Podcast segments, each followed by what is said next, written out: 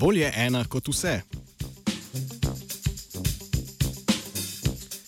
Mravlišča, polna sem in tjat švigajočih delavk ter strogih vojščakov, so idealno mesto za napade najrazličnejših patogenov. Ti bi hitro okužili velik del kolonije in tako povzročili njeno izumrtje. Pri mravljah, kot tudi pri drugih socialnih žuželkah, so se zato razvili zanimivi mehanizmi preprečevanja širjenja tovrstnih epidemij.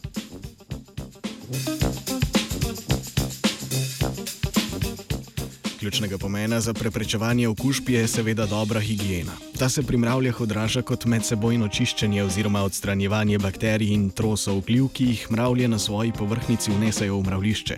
Če je za preventivo prepozno, se okuženi osebki osamijo in odidejo iz mravlišča, da ne bi ogrozili populacije. Radikalnejši način preprečevanja epidemij, imenovan Destructive Disinfection, pa je bil v začetku leta predstavljen v spletni reviji A-Life.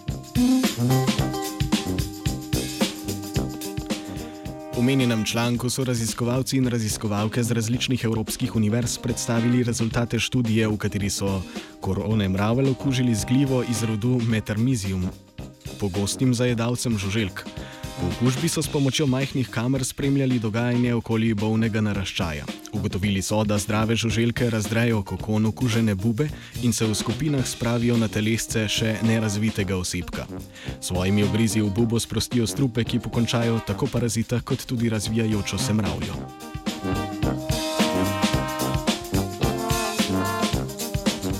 Ta kruta oblika altruizma, žrtvovanja posameznika za dobro skupine, postane logična, če na kolonijo mravelj gledamo kot na superorganizem.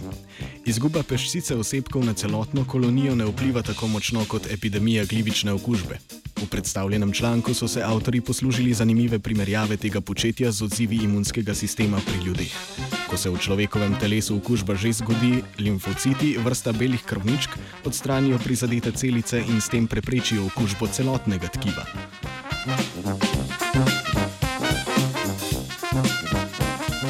Omenjena primerjava odraža, kako se v luči naravne selekcije lahko razvije enaka lastnost na popolnoma različnih ravneh.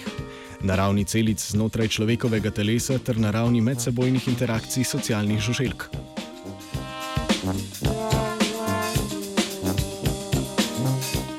Krute mravlje vam je predstavil Gregor.